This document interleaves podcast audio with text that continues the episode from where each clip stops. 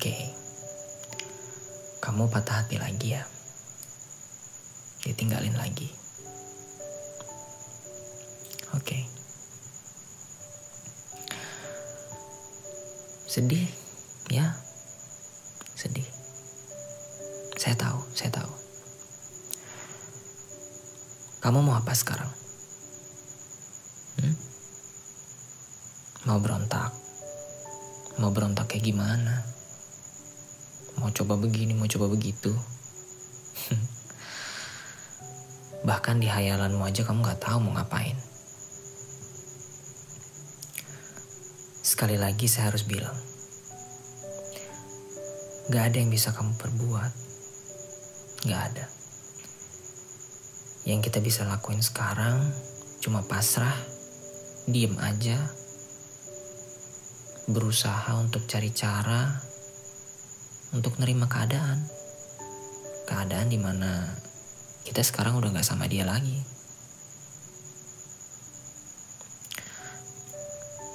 Minimal sekarang kamu bisa lihat dia seneng. Ya, lihat dia sekarang. Dia dia bahagia kok. Dia bahagia dengan apa yang dia jalani sekarang. Meskipun bahagianya gak sama kamu lagi. Sedih? Iya, iya, sedih. Ya pasti sedih. Tapi saya harus kasih tahu kamu sesuatu. Tuhan itu pemelihara alam semesta. Dalam tujuannya memelihara, terkadang dia boleh membuat orang lain senang dengan membuat yang lainnya tidak senang. Boleh. Contoh kasus nih. Hujan. Kalau petani dapat hujan di hari itu senang gak dia? Senang kan? Tumbuhannya bisa disirami secara gratis. Tapi yang usaha laundry kan kesel dia. Jemurannya gak kering-kering. Tuhan pelihara kita itu gak cuman sekarang tapi buat hari nanti juga. Aduh. Itu udah terlalu sering saya dengar, klise, bosen dengarnya gitu-gitu terus. Sedihnya tuh sekarang, bukan nanti. Saya nggak butuh nanti, saya butuh sesuatu sekarang. Ya oke, okay, fine. Terus mau gimana? Kan gak ada yang bisa kamu perbuat. Lihat dia sekarang dia lagi happy, dia bahagia. Apa itu artinya dia bahagia karena gak sama kamu? Ayolah, stop. Jangan pikirin sesuatu yang nambah bikin kamu beban. Kamu udah gak bisa dapetin dia, pikiranmu isinya negatif. Rugi tau gak sih? Double ruginya. Apa kamu mau merenggut kebahagiaan dia sekarang? terkadang harus ada yang berkorban demi kebahagiaan orang lain. Berkorbanlah. Tapi sedih, ya udah iya. Nangis aja, nangis silahkan. Gak ada salahnya kamu nangis. Justru itu pemberian Tuhan. Tangisan kamu itu pemberian Tuhan. Apa jadinya kalau kita sedih terus gak bisa nangis? Gak enak pasti rasanya. Kamu gak pengen ketemu orang silahkan gak apa-apa. Kamu gak pengen pergi ke sana kemari silahkan gak apa-apa. Gak mau pergi nongkrong, mau jadi introvert silahkan gak apa-apa. Kalau itu sesuatu yang membuat kamu nyaman silahkan lakuin. Apa pun yang membuat kamu nyaman. Tapi yang jelas yang harus kita tetap lakuin adalah kita harus tetap bisa berdiri. Kita harus tetap bisa jalan dan tetap hidup minimal tetap makan dan tetap minum supaya kita bisa hidup sampai besok pagi dan besoknya lagi. Tetap mandi supaya nggak gatel, nggak bau. Tetap ngerjain kerjaan kita karena itu tujuan utama kita di sini. Karena udah nggak ada lagi yang bisa kamu perbuat. Gak ada solusi yang akurat untuk permasalahan seperti ini. Masalah patah hati ini gak ada. Gak ada solusi yang akurat. Yang bisa kita lakuin cuma tetap bertahan untuk hidup hari esok. Perihal perasaanmu, Tuhan yang atur. Sekarang kamu ngerasa sedih? Ya udah, diresapi. Rasain dalam-dalam sampai kamu nangis. Nangis aja biar lega. Dinikmati. Apalagi, kamu ngerasa kecewa, takut, khawatir, ya sama dirasain juga. Jangan pernah lawan perasaan itu. Udah, sekarang diem aja. Ya tapi gak bisa. Ya terus mau gimana coba? Ada hal yang bisa kamu perbuat. Ada nggak? Ini saya kasih tahu ya, kasarnya. Kamu bergerak aja di bumi ini dia nggak suka.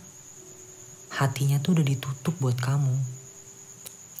Sehebat apa pun kamu berusaha, sebaik apa pun niat kamu, tidak akan bisa. Tahu kenapa? Analoginya begini. Ada dua ruangan. Yang satu ruangan dicat hitam, yang satu ruangan dicat putih. Dua-duanya punya ukuran ruangan yang sama, terus dikasih lampu dengan tingkat cahaya yang sama. Pertanyaannya mana yang lebih terang? Ruangan hitam atau ruangan putih? Sudah jelas ruangan putih kan? Yang ruangan hitam tetap terang, tapi nggak seterang ruangan putih. Apa artinya? Kalau ruangan itu ibarat hati manusia dan lampu yang kita pasang itu ibarat kebaikan yang kita perbuat, orang yang hatinya hitam untuk kamu, mau sebaik apa pun kamu terangi hatinya, kalau hatinya hitam gak akan bisa terang. Tapi bagi yang putih hatinya, yang sudah baik hatinya, kita kasih penerang, kita kasih kebaikan, ya makin baik, makin terang.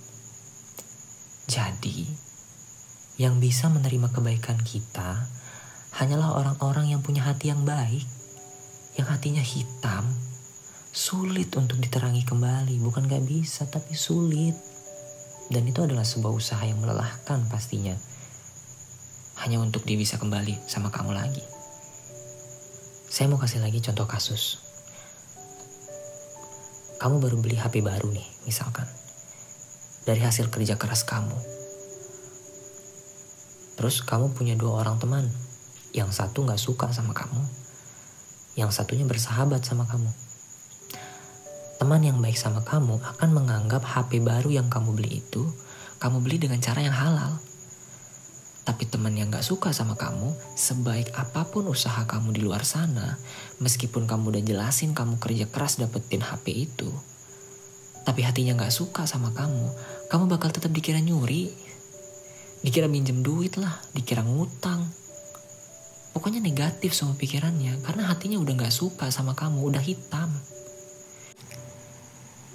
Nah, di persoalan kita ini, kamu mau jelasin ke dia, aku bisa jadi lebih baik. Maafin aku. Kasih aku kesempatan kedua. Ini masih bisa diperbaiki. Aku gak seburuk yang kamu kira. Bodoh amat. Karena udah ketutup hatinya. Udah hitam. Iya, memang iya kamu baik. Tapi untuk dia, enggak. Apa itu artinya dia buruk menolak kebaikan kita? Enggak juga. Karena kebaikan itu enggak pernah salah. Yang ada kita yang salah menempatkan kebaikan itu. Atau bisa aja cara kita dalam menyampaikan kebaikan itu yang belum bisa dia terima. Baik yang kita pikir belum tentu baik juga menurut orang. Jadi, percuma. Percuma kasih kebaikan ke orang yang hatinya sudah hitam untuk kamu. Sia-sia perbuatan itu. Udah ya, udah. Saya capek, sumpah kita tuh capek. Nangis aja deh, nangis. Angkat kedua tanganmu, angkat kedua tangan kita. Menyerahlah. Menyerah kepadanya. Oke? Okay?